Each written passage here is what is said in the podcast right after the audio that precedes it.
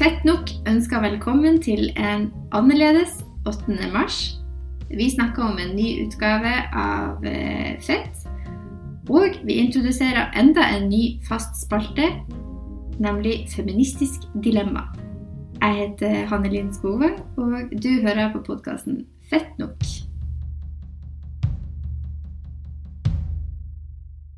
I dag er det mandag 8. mars 2021. Og jeg sitter her foran skjermen min sammen med Jenny Schnaller. Hallo! Og Mari Lilleslåtten. Hallo! Først så må jeg bare si gratulerer med kampdagen 8. mars. Hvordan har dere det i dag? Det er kjempefint at uh, jeg, vi starter dagen sammen her med Fettpodkasten på en så fin dag. Mm, jeg må også si at det er veldig fint med litt eh, sosialt samvær, selv om det er over eh, skjerm på, på den dagen her. Det er jo sånn um, Det blir en rar, rar 8. mars. Men um, jeg vet ikke med dere, altså hva pleier dere å gjøre på, på en 8. mars som ikke ser ut som pandemiåret 2021? Jeg har feira 8. mars egentlig nesten helt siden jeg flytta til Oslo. I Bodø så var det egentlig ikke noe særlig tradisjon for å gjøre det. Jeg husker faktisk at jeg hadde en kjæreste på videregående som gikk i tog på 8. mars. Og det var en sånn gruppe på ti personer. Og det gjorde ikke jeg. Men jeg har skjerpa meg siden, heldigvis. Så eh, egentlig helt siden jeg flytta hit, og det er jo ni år siden nå, tror jeg.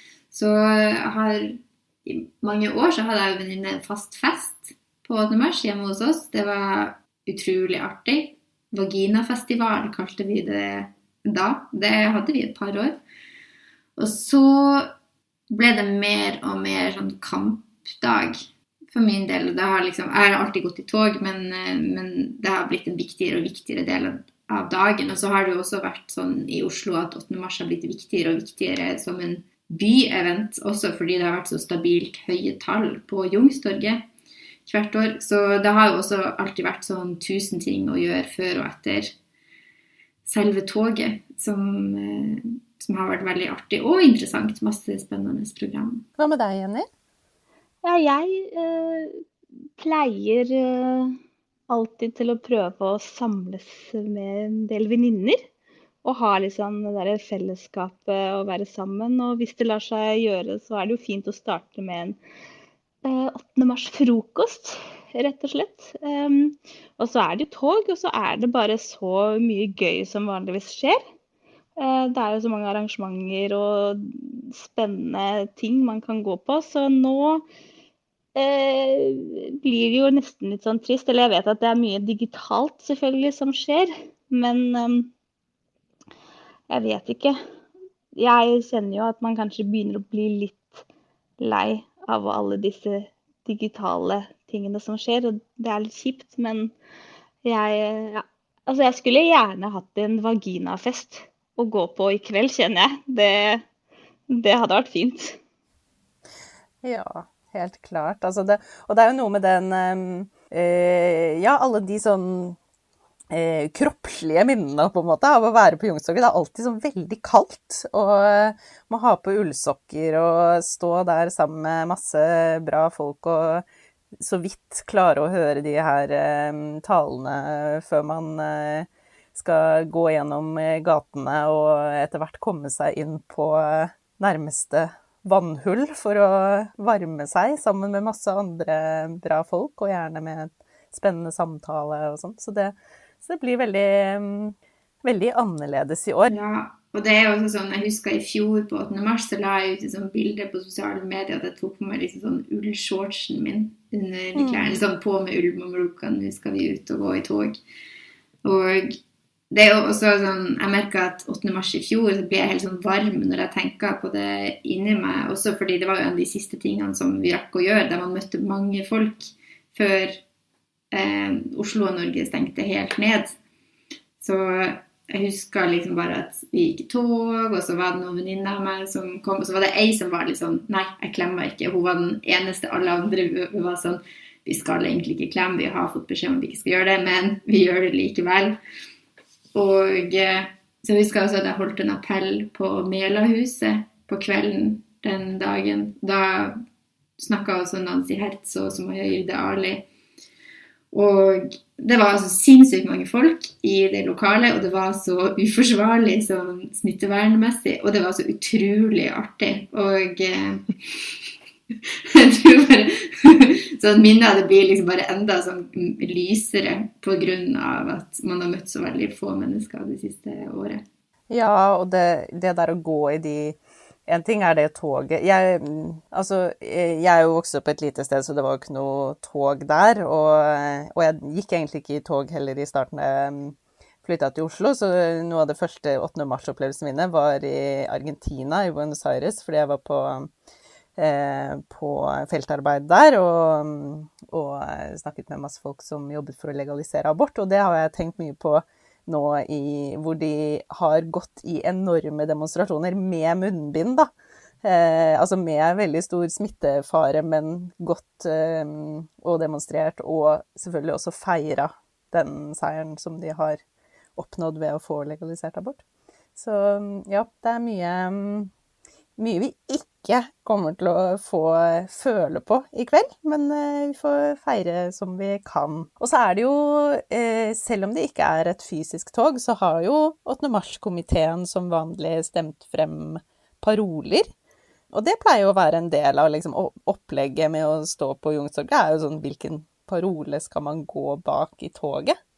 Um, og i år så er hovedparolen at eh, kvinnedominerte yrker er samfunnets bærebjelker. Lønnsløft nå. Det er jo noe som kanskje har blitt enda mer eh, synlig det siste året. Og så er det masse andre paroler. Har dere funnet dere noen favoritter hvis dere skulle gått i tog, eller hvis dere skal gå et lite tog hjemme på stuegulvet? Hva ville dere gått bak? Ja, jeg får liksom lyst til å bare gi en liten shout-out når du nevner det også til dem som vi vanligvis spiller inn hos når vi ikke har um, Pandemiradio Rakel, for de har en sånn kampanje som har gått de siste dagene som heter sånn hashtag min parole. Så den kan man jo også delta under i dag, hvis man uh, så ønsker. Jeg bruker ofte bare stille meg bak hovedparolen, egentlig. Uh, litt fordi jeg er ofte så kald på Youngstorget, så det er liksom godt å komme i gang fordi det tar alltid litt lang tid. Og så ofte så er det veldig lett å stille seg bak budskapet som, eh, som står der. Og det gjelder jo også i år, tenker jeg da. At jeg syns det er veldig på tide med Særlig sånn omsorgsyrker får et lønnsløft. Det verdsettes altfor lavt i samfunnet, syns jeg. Men det er mange andre som også lett kunne gått bak. Ja, for det er jo på en måte Eller det der med at man ofte får sånne anklager om at eh, ja, men i Norge så er feminister eller liksom kvinnebevegelsen så navlebeskuende og sånn. Det er jo veldig bredt. Det er jo eh, sant, Bekjemp vold mot kvinner, en global pandemi. Eh, eh, altså stopp kvinnedrapene i Latin-Amerika. Eh, støtt polske kvinners kamp for selvbestemt abort. Eh, ingen kvinnekamp uten antirasisme. Black Women's Lives Matter. Det er på en måte eh, mange som er eh, veldig store og internasjonale, og så er det noe som kanskje er mer, eh, eh mer spesifikt eh, norsk, eller jenter i teknikk og håndverk eh, krever handling mot seksuell trakassering i arbeidslivet, f.eks. Eller momsfritak på bind og tamponger, noe vi har vært innom i denne podkasten her før. Men hva med deg, Jenny? Hva ville du stilt deg bak?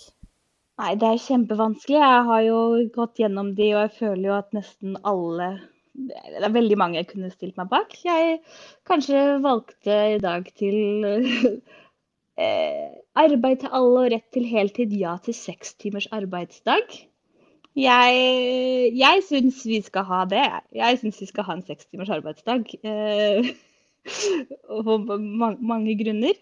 Fra, veldig, fra, et likestillingsperspektiv selvfølgelig også, men også fordi jeg bare Jeg syns eh, vår veldig kapitalistiske og effiserte samfunn det, Vi hadde hatt godt av å ha litt mer fritid og seks timers arbeidstak for å fokusere på ja, andre ting. Fritid, familie og muligheten for at eh, eh kvinner kan ha mer likestilling i en jobbsammenheng. Ja, og jeg får lyst til å trekke fram en tekst som jeg husker Magnhild Folkvord skrev i en fettutgave i fjor, eller forfjor, tror jeg det var, som handla om at man hadde gjennomført sine instrumenter med sekstimersdag noen steder, og plutselig så økte fruktbarheten på mystisk vis til disse samme ansatte, og de fikk flere, fikk flere barn. Eh, så det er jo også et tips til regjeringa som stadig maser om eh, reproduksjonen vår. Mm.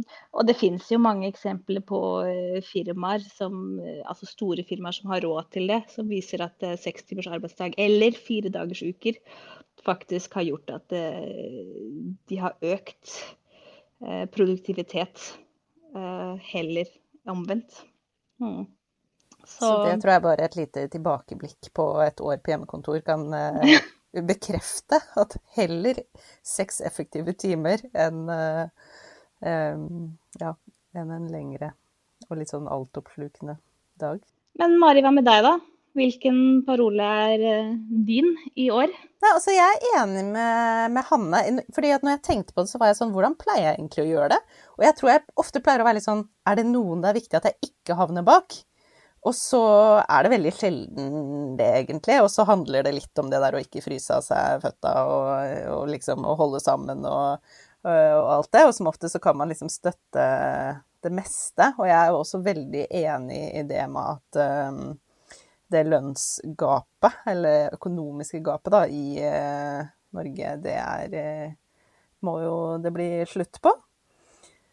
Og ellers så Ja, nei. Jeg er, jeg er enig i, nesten alt. Jeg tenker noen av de er sånn at jeg tenker Eh, hvordan fungerer dette? Nettpornofilter, ja, det er jeg vel sikkert for.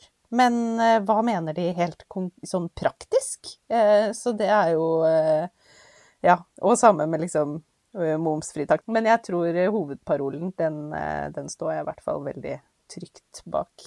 Og så kan jo, eller det med dette parolemøtet, for det er jo sikkert mange som går i i 8. mars-tog uten å egentlig vite hvor de parolene kommer fra. For det er jo egentlig en sånn demokratisk prosess, men jeg tror de, de færreste som går rundt der, egentlig er med på den. Men det er jo ofte overraskende bredt, eh, selv om det er ikke kjempemange som er med på å velge ut eh, parolene. Ja, altså det er jo noen hundre som deltar på de parolemøtene ofte, og det er jo godt over 10 000 som deltar på 8. mars. Har det vært de siste årene. Så det blir det jo umulig å telle i år, da, selvfølgelig. Men la oss håpe at det blir, kommer tilbake til å være 10 000 neste år. Så får vi satse på det digitale eventet som skjer i kveld. De skal jo, siden det er lockdown, så, så er det fortsatt en livesending fra 8. mars-komiteen som man kan følge med på. Jepp. Og det er mange andre ting som skjer også hele dagen. Og i tillegg så skal Fett ha et arrangement som sendes fra Bergen som eh, vi tar. Det kommer til å bli kjempefint i samarbeid med Balansekunst og AKS. Jeg skal delta på en samtale hos MDG om fødsel og Eller fødepolitikk. Så det mm, kommer til å være litt 8. mars-ting. Enda godt. Ja. Og kampen er jo ikke over. Jeg tror vi kommer til å ha mye å gå i tog for til neste år.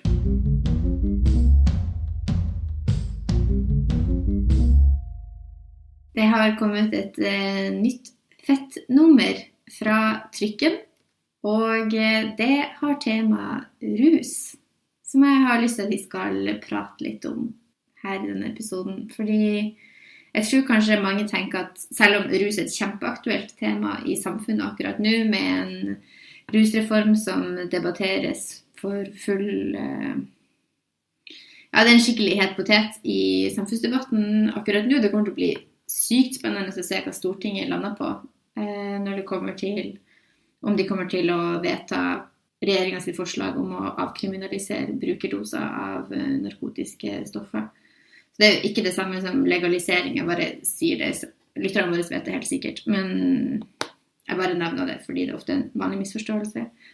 Eh, men det er kanskje ikke helt intuitivt hvorfor fett skal ha et temanummer om rus. Og det tenkte jeg det kunne være gøy å prate litt om. Ja, fordi altså i den eh, Nå er det jo mye snakk om den rusreformen, og jeg, jeg syns i hvert fall ikke at det er noe kjønnsperspektiv der, men altså sånn vi vet jo at på en måte alt har et kjønnsperspektiv. Og i det nye Fettbladet, da, som jeg bare har rukket å skumme, så er det jo ekstremt variert eh, hva det handler om. Det er mange temaer, men alle har det med rus til felles. Men hva, liksom, hva vil du si er liksom det mest sånn åpenbare kjønnsperspektivet når du har rus som overskrift? Å, det var vanskelig eh, å svare på. Men det er en ting som jeg i hvert fall tenkte på i høst. Så så jeg en film som, eh, som kom ut da i Danmark, som heter 'Et glass til'.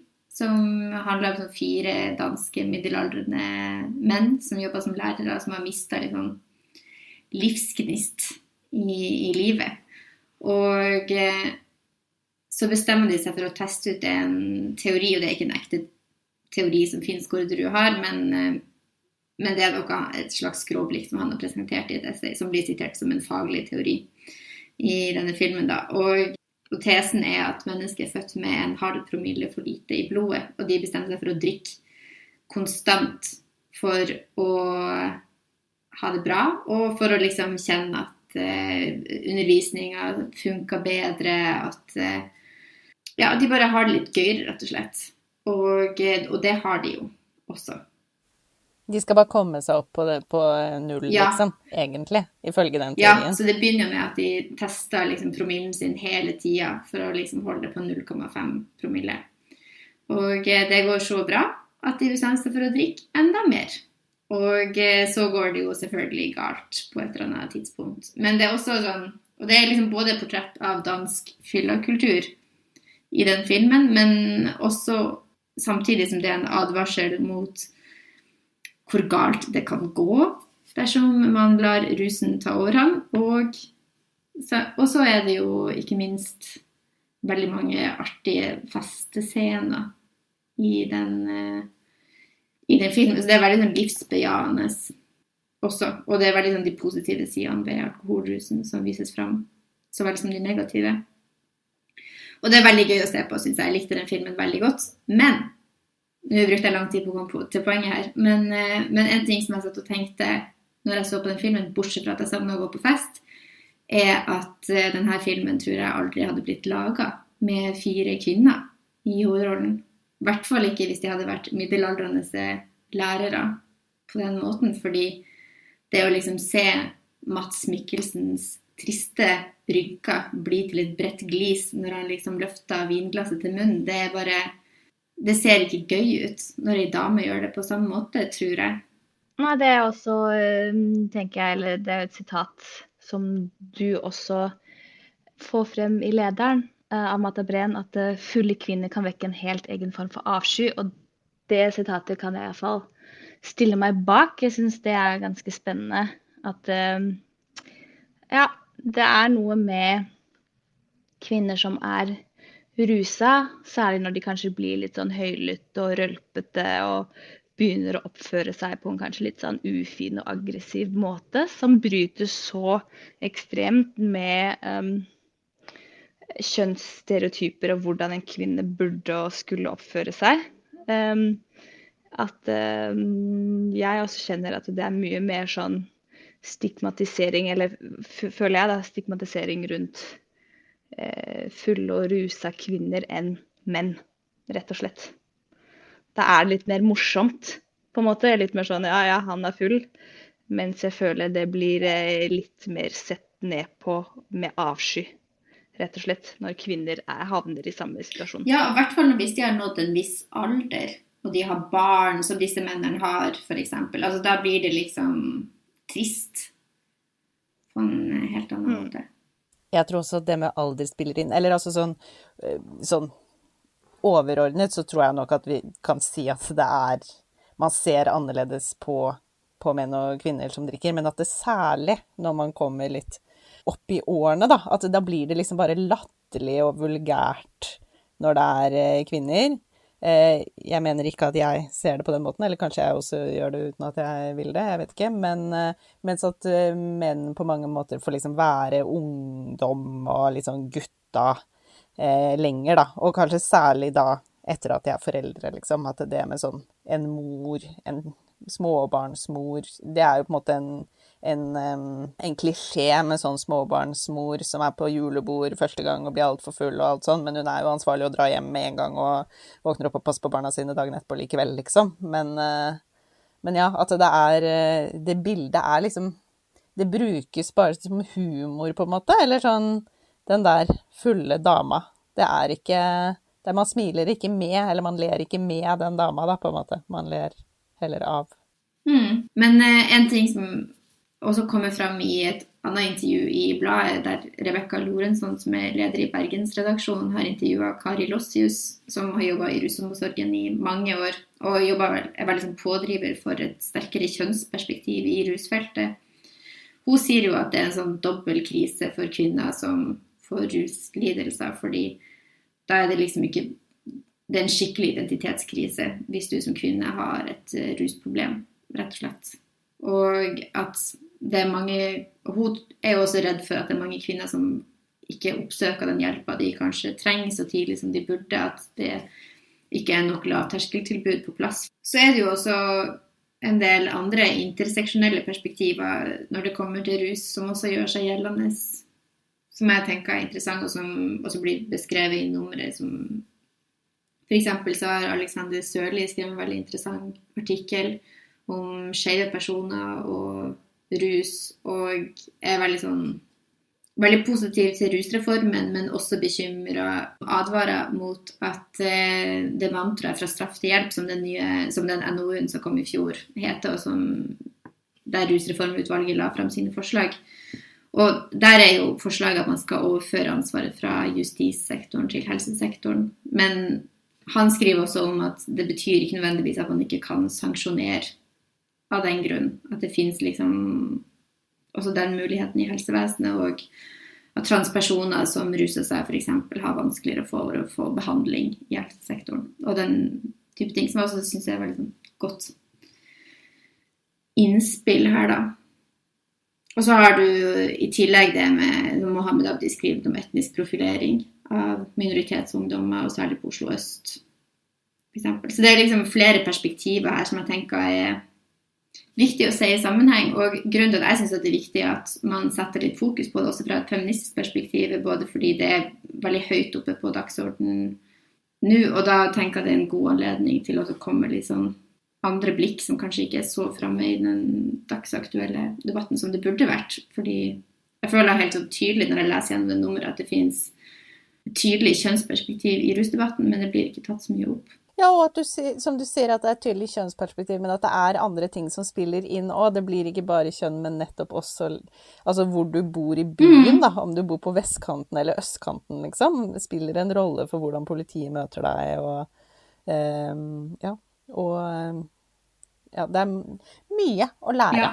i dette nummeret. Ja, ikke sant. Og det er litt sånn Det syns jeg er litt sånn oppspark til feminismen også Maria Kjos Fonn har også skrevet om det, hun også intervjua i nummeret, har skrevet om det tidligere at human ruspolitikk også er feminisme, men det snakkes veldig lite om av feminister. Og det er jo også i dette nummeret så har vi et sånn intervju med en kampanje som har foregått i Bergen, som handler om et bedre tilbud til kvinner som bor på krisesenter, som også lever med aktiv rus.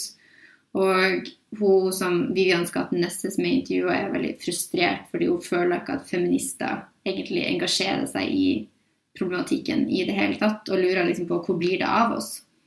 Så det tenker jeg er sånn spark til bevegelsen som vi må ta for oss. Det er jo selvfølgelig fordi det ikke angår så mange av oss, men det betyr ikke at det ikke er viktig.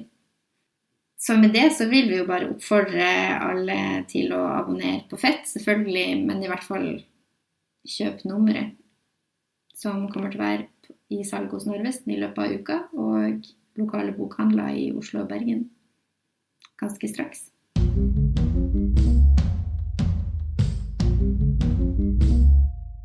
Da vil jeg gjerne ønske velkommen til første take av en ny spalte i podkasten Fett nok, som er Feministisk dilemma.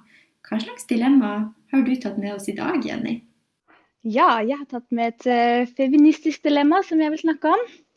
Uh, det er nemlig sånn at jeg uh, følger ei på Instagram. Uh, jeg kjenner henne ikke så veldig godt, men hun legger da altså ut veldig mange bilder av seg selv. Eh, det må sies at eh, det er som en privat konto, så er ikke, hun er ikke influenser eh, eller noe sånt. Sånn, eh, på min alder, altså sånn rundt 30. Og på de bildene så er hun ja, nesten alltid veldig, veldig sterk sminka. Hun har på seg veldig, veldig sexy klær. Hun poser på en veldig sexy måte. Hun er eh, også ja, man kan si at hun også ser ut som et sånn veldig sånn klisjé skjønnhetsideal. Altså hun har blondt, langt hår, eh, store pupper, slank.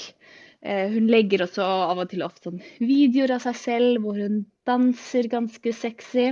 Og eh, jeg vet ikke, altså jeg ser altså på det på Instagram, og jeg kjenner at jeg på en rar måte blir litt sånn jeg vet ikke, provosert. Eller jeg liksom ser på det og tenker til meg selv altså Hvorfor gjør du dette her? Jeg skjønner ikke.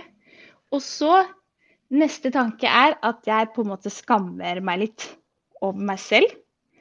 Fordi da tenker jeg herregud, altså her sitter jeg på do og ser på Instagram og liksom slutshamer på en måte ei jente som altså Hvorfor kan ikke jeg bare feire at hun ja, eh, legger ut disse bildene og, syns hun liksom er fin?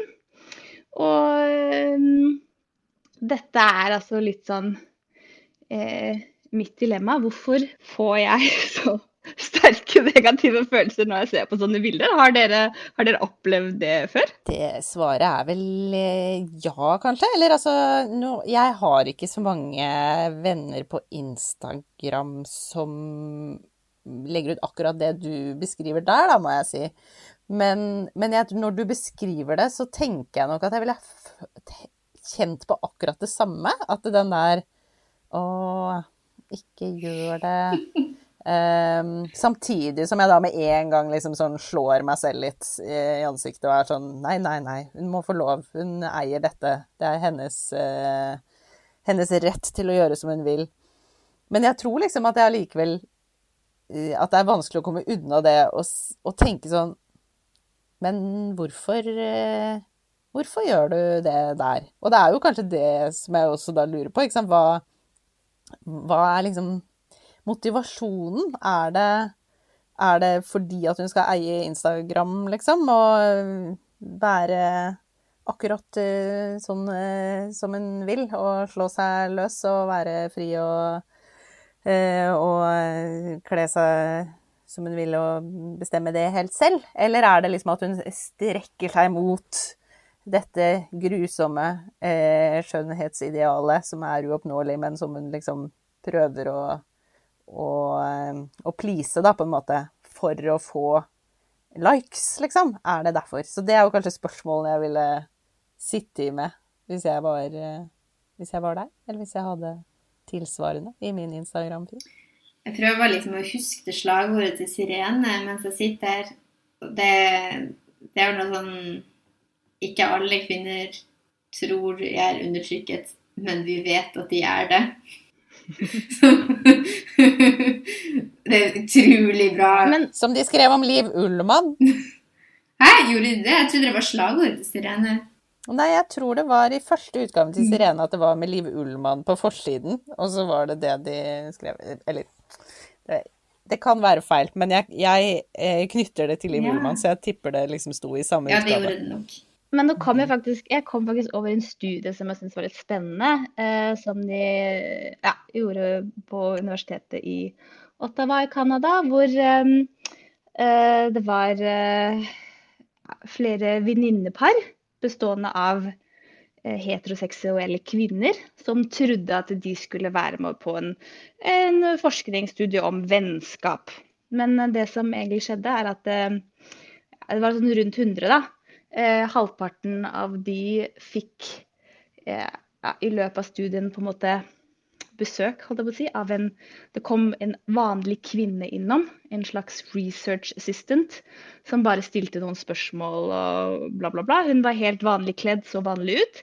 Mens den andre halvparten fikk eh, da, da kom det en veldig sexy kledd dame innom. Eh, ja. Og begge damene, den på en måte som var vanlig kledd, i anførselstegn, og den sexy kvinnen, de oppførte seg helt lik, spurte de samme spørsmålene, gjorde det samme. Og så forlot de det igjen. Og disse kvinneparene, venninneparene, ble eh, filma hemmelig, og de undersøkte hvordan de da etterpå reagerte på de to kvinnene. Og da viste det seg at de nesten, altså de som fikk besøk av den vanlige damen. Eh, hun ble det Hun fikk egentlig nesten ingen reaksjoner. Det var ikke noe mye snakk om henne etterpå. Mens eh, de som da eh, Hvor den sexy damen kom innom, der var det veldig mange hovedsakelig negative reaksjoner etterpå. Så det gikk fra at de rulla med øynene, til at de lo etterpå når hun gikk ut, til at de liksom åpenbart sa sånne ting som herregud, så du hvordan hun så ut', for han hadde på seg det helt altså, og så videre og så videre. Så den studien hevda jo da, eller konkluderte med at uh, vi rett og slett uh, kvinner er tydeligvis mer bitchy og aggressiv mot andre kvinner som åpenlyst eh, gjør seg til på en seksuell måte. Hva tenker dere? Altså, sånne studier er sånn som man både kan liksom elske og elske og hate, på en måte. Fordi at det er sånn der um, Det er så mange ting å ta den der på. Men allikevel så er det så godt utgangspunkt for å diskutere.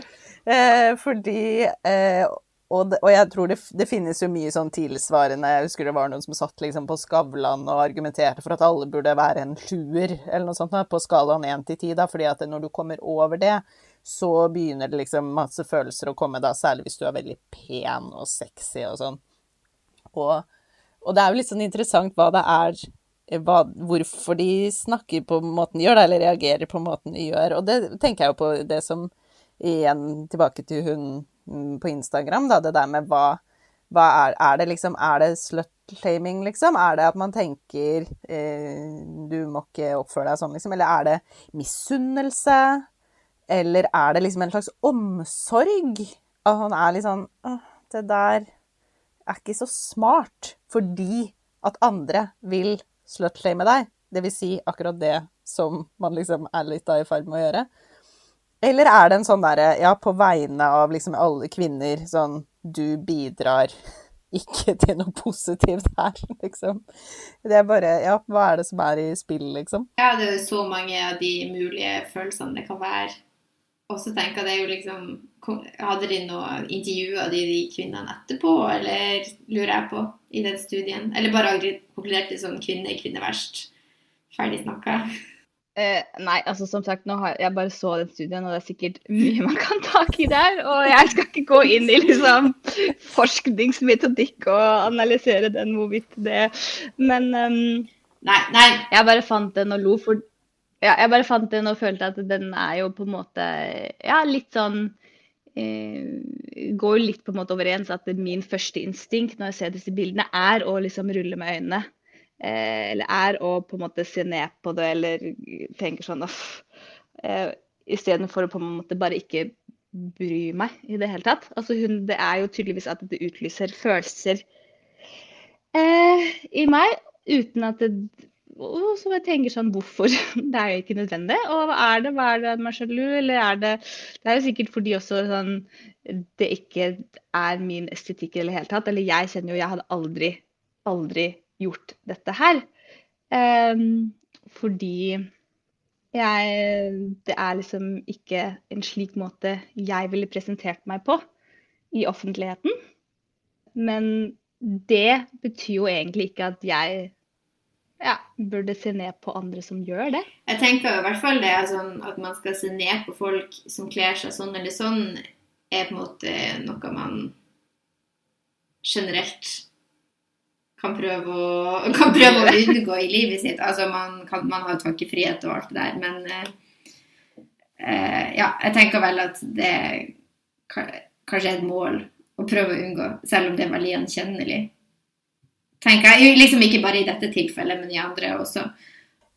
Ja, og så er det jo på en måte Eller det vil jo være forskjellig fra person til person, og derfor vil også motivasjonen være forskjellig. da. Hvis det er for å tjene penger, så er i hvert fall det liksom eh, grunn til å være kritisk. Men det er jo på en måte noe med den derre ja, hva er det man får til? Og det er jo nettopp det med at på en måte eh, Den litt sånn doble kvinneundertrykkelsen i det, da. At man både på en måte er At den seksualiseringen av kroppen er i seg selv eh, kjip, men at man også da liksom anstrenger seg for å eh, For å tilpasse seg det seksualiserte idealet, på en måte, som er en sånn dobbel eh, og, og, føler, og, koser seg med det, på en måte, er jo en litt sånn dobbel eh, hva, hva, skal man si? Eh, hva heter det for noe? Eh, dobbel undertrykkelse, da, for å bruke store ord. Men samtidig, nå... kanskje hvis hun liksom eier det og koser seg maks, så eh, kjør på også. Nei, men jeg tror det er akkurat det som er dilemmaet, som du beskriver nå.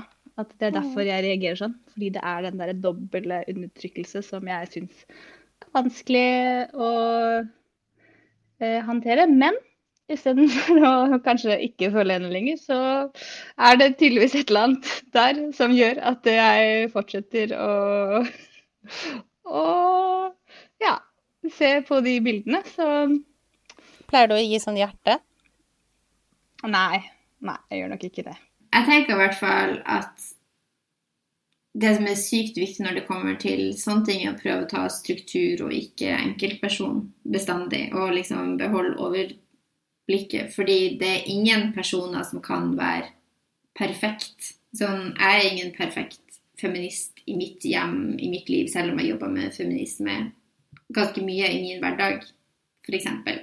Og det er også noe av det som Roxanne Gay skriver om i den Bad Feminist, som vi også hadde et intervju med i det nummeret om følelser, at liksom man gjerne liksom har lyst til å ri hverandre ned fra en sånn perfekt pidestall. At man liksom stiller veldig høye krav til seg sjøl, både sånn moralsk som feminist, og at du skal Og liksom i handlinga hele tida, og det er helt umulig. Så man må være litt raus med seg sjøl. Og så tror jeg det gjelder å liksom beholde overblikket, hvis vi skal se det til en veldig sånn god eller dårlig feministkontekst. Ja, Hanne, det er jo kloke ord. Jeg tror det er dette vi må høre på. ja. Ja, absolutt. Og mm, enig. Men kanskje det er noen lyttere der ute som også har et feministisk dilemma som dere går rundt og tenker på og eh, dere har lyst at det, det, blir litt diskutert, så da kan dere sende oss en mail eller skrive oss på Insta eller Facebook. Eh, det hadde vi blitt veldig glade for. Ja. Og vil gjerne snakke om flere feministiske dilemmaer her. Vi er sikre på at det finnes mange.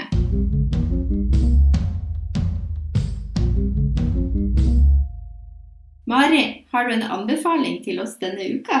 Ja, det har jeg faktisk. Eh, jeg hører jo eh, veldig mye på podkast, og på et eller annet tidspunkt så begynte jeg å eh, abonnere på podkasten Stil fra Sveriges Radio. Som handler om mote, noe jeg egentlig ikke er noe spesielt interessert i. Men innimellom så hører jeg på, så syns jeg at det er mye mer interessant enn jeg liksom først kunne forestille meg at mote skulle være.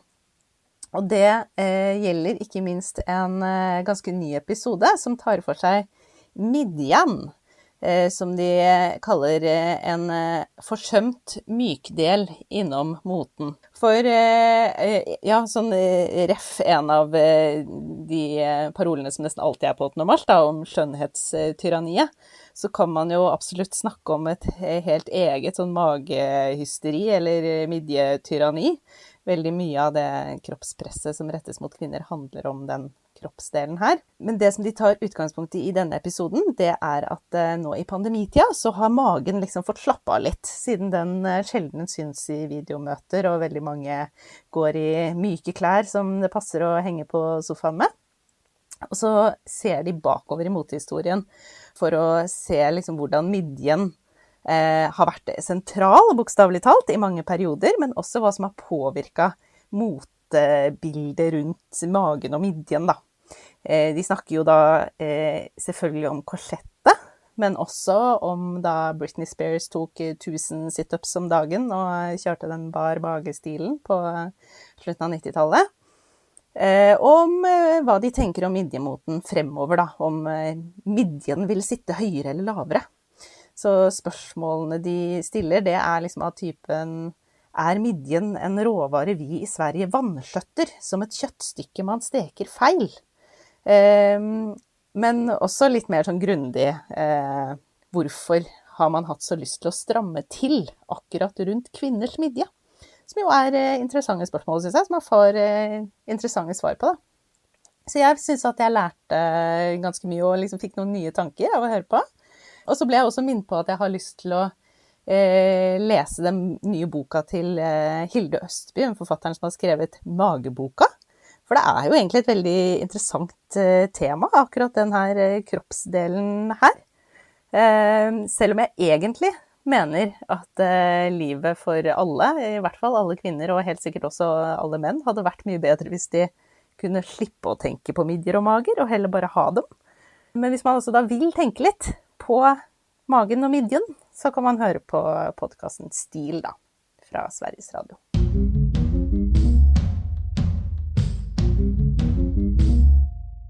Da gjenstår det bare å si tusen takk for at eh, du har hørt på oss. Og eh, at vi ønsker deg som hører på, en skikkelig fin 8. mars-feiring i dag. Hipp hipp hurra! Musikken som du har hørt, er laget av Anne Lindberg. I studio så har du hørt Jenny Schnaller og Mari Lilleslåtten. Og i tillegg så har vi produsent Eline Hystad og Mona Jibril som sitter i podkastredaksjonen. Eh, vi får støtte fra Kulturrådet og Fritt Ord. Og eh, logoen er tegna av Kjersti Johanne Barli. Neste episode kommer om ca. to uker.